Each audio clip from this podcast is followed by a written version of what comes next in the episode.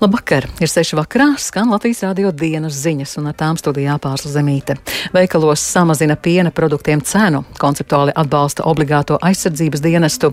Stoltenbergs mudina Turciju ratificēt Somijas un Zviedrijas pieteikumus dalībai NATO.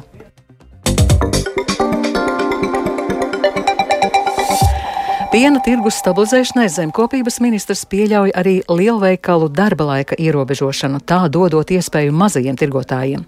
Tirgotāju uzcenojumi piena produktiem ir ļoti lieli, taču brīvā tirgus apstākļos nav daudz veidu, kā to risināt.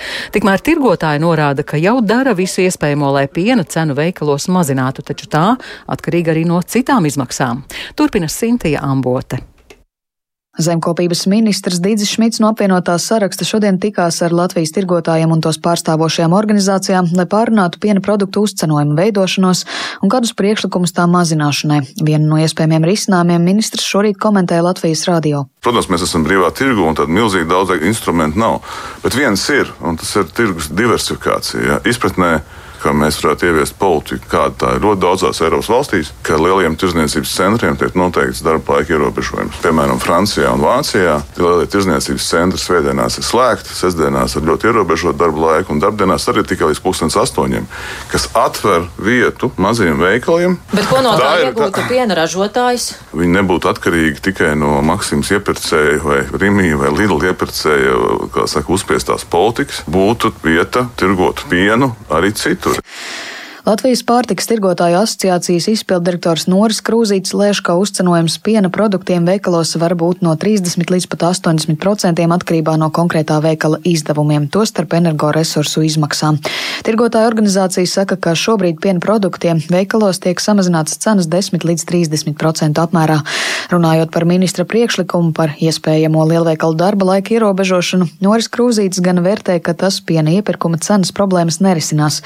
Turklāt nav pietiekami pietiekami attīstīta mazo veikalu pieejamība. Tas, kas attiecas uz ierosinājumiem samazināt darba laiku, nu, tas nav nekas jauns, un es nezinu, vai piena dēļ to vajadzētu darīt.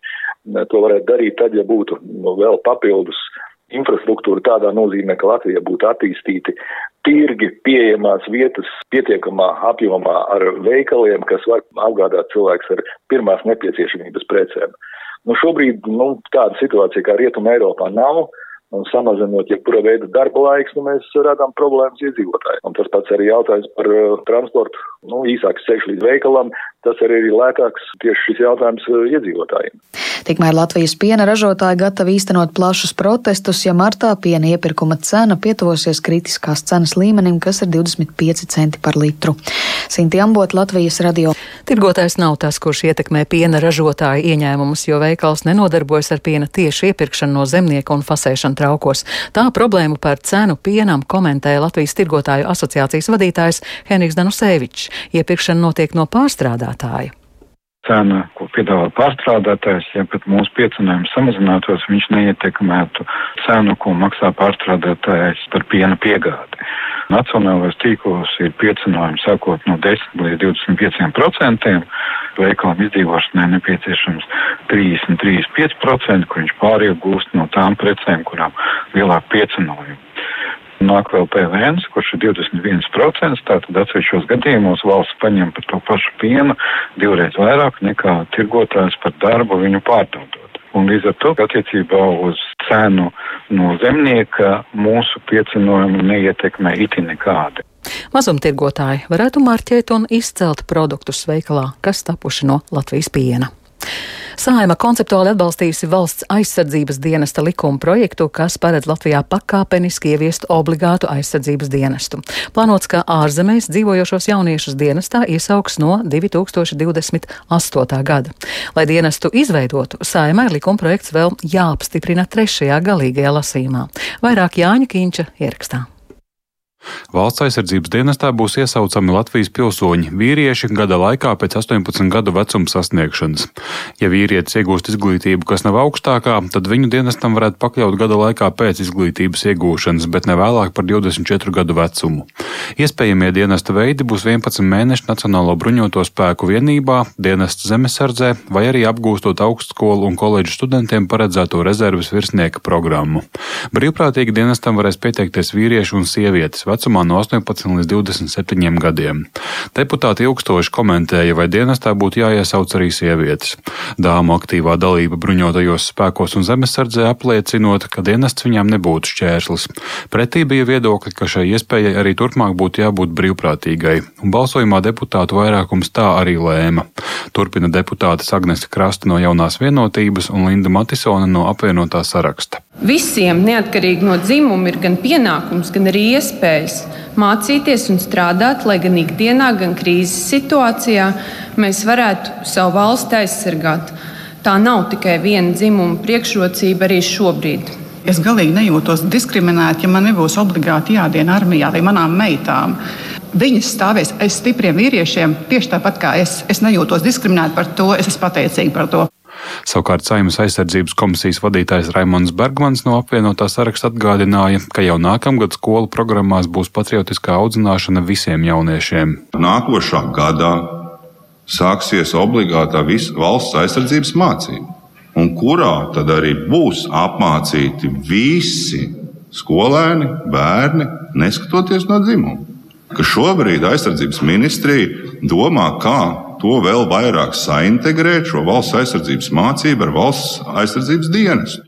Lai izdotos nokomplektēt iesaukumu, plānots izmantot atlasi pēc nejaušības principa atbilstoši dienestam pakļauto pilsoņu skaitam katrā novadā. Līdz 2027. gadam valsts aizsardzības dienestā neiesauks Latvijas pilsoņus, kuri pastāvīgi dzīvo ārvalstīs. Likums, ko saima vēl skatīs trešajā lasējumā, paredz arī nosacījumus atlikt vai nesākt iesaukumu valsts aizsardzības dienestā. Pirmais 300 jauniešu iesaukums šogad 1. jūlijā iecerēts tikai no brīvprātīgajiem. Par dienestu paredzēta arī alga. Jānis Kincis, Latvijas Radio. Ir pienācis laiks Turcijai ratificēt Somijas un Zviedrijas pieteikumus dalībai NATO. Šodien paziņoja militārās alianses ģenerālsekretārs Jens Stoltenbergs, kurš ir ieradies vizītē Turcijā. Stoltenbergs tikās ar Turcijas augstākajām amatpersonām, lai pārnātu NATO paplašināšanu, karu Ukrainā un turpmāko palīdzību Turcijai pēc postošajām zemestrīcēm. Plašāk stāstūdis Česberis. NATO ģenerālsekretārs Jens Stoltenbergs šodien ieradās Turcijas galvaspilsētā Ankarā, lai visas alianses vārdā apliecinātu solidaritāti sabiedrotajai, kas pirms desmit dienām piedzīvoja savā vēsturē vienu no spēcīgākajām un postošākajām zemestrīcēm. Stoltenbergs tikās ar Turcijas prezidentu Reģepu Taipu Erdoganu un ārlietu ministru Mevlitu Čavušoglu. Pēc sarunas ar Čavušoglu Stoltenbergs medijiem sacīja, ka Turcijai nevajadzētu ilgāk bloķēt Somijas un Zviedrijas pieteikumus dalībai NATO. Um, uh, es uzskatu, ka ir pienācis laiks apstiprināt Somijas un Zviedrijas pieteikumus. Es pilnībā saprotu, ka Turcijai ir pamatotas bažas par savu drošību. Neviens NATO sabiedrotais nav piedzīvojis vairāk teroru uzbrukumu kā Turcija. Šī iemesla dēļ terorisms bija svarīga jūlijā noslēgtā trispusējā memoranda sastāvdaļa. Tādēļ NATO cīņa pret terorismu ir viens no galvenajiem uzdevumiem. Es arī ticu, ka Somijas un Zviedrijas dalība aliansē stiprinās mūsu spējas cīņā cīņā pret starptautisko terorismu. Uh, uh, Ankara savu pretestību Somijas un Zviedrijas uzņemšanai NATO pamato ar šo valstu nevēlēšanos izdot personas, kuras Turcija uzskata par teroristiem. Zviedrijai par sliktu ir nākuši arī nesen notikušie galēji labējo aktīvistu protesti, kuru laikā pie Turcijas vēstniecības dedzināja musulmaņu svētos rakstus Korānu. Turcijas ārlietu ministrs Čavu Šoglu sacīja, ka Ankara pašlaik būtu gatava apstiprināt tikai Somijas uzņemšanu NATO. Sonuçta Finlandiya ile ilgili bizim e, ciddi bir sorunumuzun olmadığını görüyoruz. Mums nav nopietnu problēmu ar Somiju, taču ne tikai mēs uzskatām, ka Zviedrijai ir jāspēr konkrēti soļi šajos jautājumos. Mēs neiebilstam pret NATO paplašināšanu, mēs iestājamies par spēcīgu NATO un mūsu ieguldījums turpināsies. Čavušoglu arī pateicās NATO par palīdzības sniegšanu Turcijai pēc zemestrīcēm, kurās dzīvību ir zaudējuši vairāk nekā 36 tūkstoši cilvēku, bet simtiem tūkstošiem ir palikuši bez mājām. Stoltenbergs solīja, ka alianse tuvākajā laikā piegādās Turcijai vairākus desmitus tūkstošus telšu un dzīvošanai piemērotus konteinerus. Vizītes turpinājumā NATO ģenerālsekretārs apmeklēs zemestrīču vissmagāk nopostītos Turcijas reģionus. Uldis Česberis, Latvijas radio. Amerikas Savienotās valstis ar vienu ir nelokāmas savā atbalstā Baltijas valstu brīvībai un suverenitātei un turpinās stiprināt NATO austrumu flanga aizsardzības spējas. To šodien paziņoja ASV aizsardzības sekretārs Lloyds Ostins, kurš apmeklēja Tallinu. Vizītes laikā viņš tikās ar Igaunijas premjerministri Kaju Kallasu un aizsardzības ministru Hanno Pevkuru. Ostins īpaši uzslavēja Igaunijas lielo ieguldījumu militārās palīdzības sniegšanā Ukrainai. As a share of your economic size, Estonia has provided more military aid to Ukraine Ņemot vērā jūsu ekonomikas lielumu, Igaunija ir sniegusi Ukrainai lielāku militāro palīdzību nekā jebkura cita valsts pasaulē. Jūs esat pieņēmuši grūtus lēmumus, lai Ukraina saņemtu palīdzību, kas ir nepieciešama valsts aizstāvēšanai. Tāpēc es saku paldies par jūsu līderību. Tas patiešām ir spilgts piemērs visām valstīm. Un Igaunijas līderība mums atgādina, ka pat mazas valstis var sekmēt lielas pārmaiņas. Lloyds Ostīns ir viena no vairākām augsta līmeņa rietumvalstu amatpersonām, kas šomēnes apmeklēs Igauniju. Sagaidāms, ka 24. februārī, kad Igaunija atzīmēs savu 105. dibināšanas gada dienu, Tallinā ieradīsies Eiropas komisijas prezidente Urzula Fonderleina un NATO ģenerālsektārs Jens Stoltenbergs. Iespējams, ka viņiem pievienosies arī Francijas prezidents Emmanuels Makrons, tā vēsta Igaunijas sabiedriskais medijs. Rīgas pilsētas tiesa šodien pasludināja saīsināto spriedumu bijušā saimnes deputāta Artusa Kaimiņa krimināla lietā par grāmatvedības dokumentu viltošanu un Kaimiņu atzina par vainīgu piespriežot sabiedriskos darbus. Kaimiņš apsūdzēts par Sijā Alde mēdījā grāmatvedības dokumentu, proti Kaimiņa paša uzņēma Sijā suņu būda izsniegto rēķinu viltošanu. Prokurors Māris Urbāns Kaimiņam lūdza piespriest naudas sodu 15 minimālo algu lielumā, jeb 9300 eiro, taču tiesa viņam piespieda vada sabiedriskos darbus. Kaimiņš atteicās komentēt spriedumu.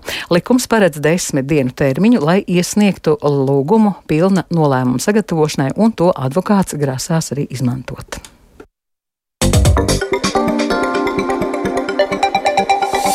Vēl par sportu. Vārdsargs Artūrs Šilovs šorīt debitēja Nacionālajā hokeja līgā, stājoties Vankūveras Kanaks cietoksnī. Kanaks zaudēja Ņujorkas Rangers ar 4-6, bet Šilovs kapitulēja piecas reizes, atvairot 22 no 27 metieniem. 21 gadu vecais spēlētājs kļuva par visu laiku jaunāko Latvijas hokeja vārdsargu, kurš debitējis NHL. Pēc pirmā mača pasaules spēcīgākajā līgā Latvijas pauda, ka šis ir tikai ceļa sākums sākums. Guess, really Laikam jau izsaukums uz NHL bija neliels pārsteigums, bet tajā pat laikā arī nebija. Menedžeris jau man bija teicis, ka esmu pelnījis spēlēt. Te nu tā reize arī pienāca. Otrajā trešdaļā spēlēt bija krietni vieglāk, jo sajūtu ripu, pretinieku ātrumu. Vienmēr viss jāizjūt pašam, jāiegūst pieredze. Tikai tad var saprast, kā tas patiesībā ir. Man jāturpina strādāt, lai nopelnītu iespēju vēl kādā spēlē doties laukumā jau no paša cīņas sākuma. Games, uh, you know, starts, yeah. Un vēl šodien tenisiste Aļona Ostapenko pārī ar ukrainieti Ludmilo Kičenoku iekļuva Dohas 500 punktu dubultspēju sacensību finālā. Pusfinālā Latvijas-Ukrainas duets ar 1-6, 6-3, 10-6 uzveica neitrālo sportistu Vēru Zvonarjovu un ķīnieti Džaus Juāņu Janu.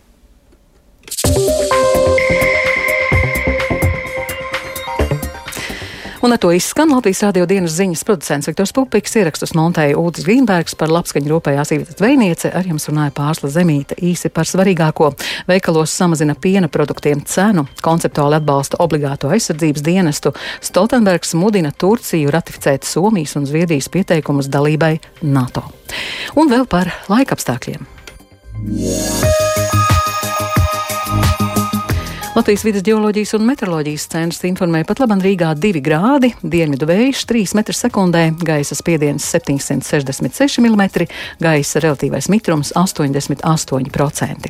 Bet kāds laiks gaidāms turpmāk, stāsta sinoptiķe Ilze Golubēva. Piektdienlaiks būs nomācies un gan naktī, gan dienā vietām sagaidīsim arī nokrišņus. Ja naktī vējš būs lēns, tad dienā tas jau pakāpeniski sāks pastiprināties un piekrastē dienvidu, dienvidu rietumu vēja brāzmas sasniegs 15 līdz 19 metrus sekundē. Naktī gaisa temperatūra svārstīsies no mīnus 2 līdz plus 3 grādiem, bet dienā no 0 līdz plus 5 grādiem. Bet krietni vairāk nokrišņu būs brīvdienās. Ir gaidāmi ilgstoši un arī spēcīgi nokrišņi, gan lietus, gan slapjš sniegs. Valsts austrumos arī sniegs un putekļi putenis. Visā valstī pūtīs brāzmains vējš, bet stiprākās vēja brāzmas gaidāmas jūras piekrastē. Ja sestdien gaisa temperatūra vēl būs no mīnus 1 līdz plus 5 grādiem, tad svētdien kļūs jau vēl nedaudz vēsāks.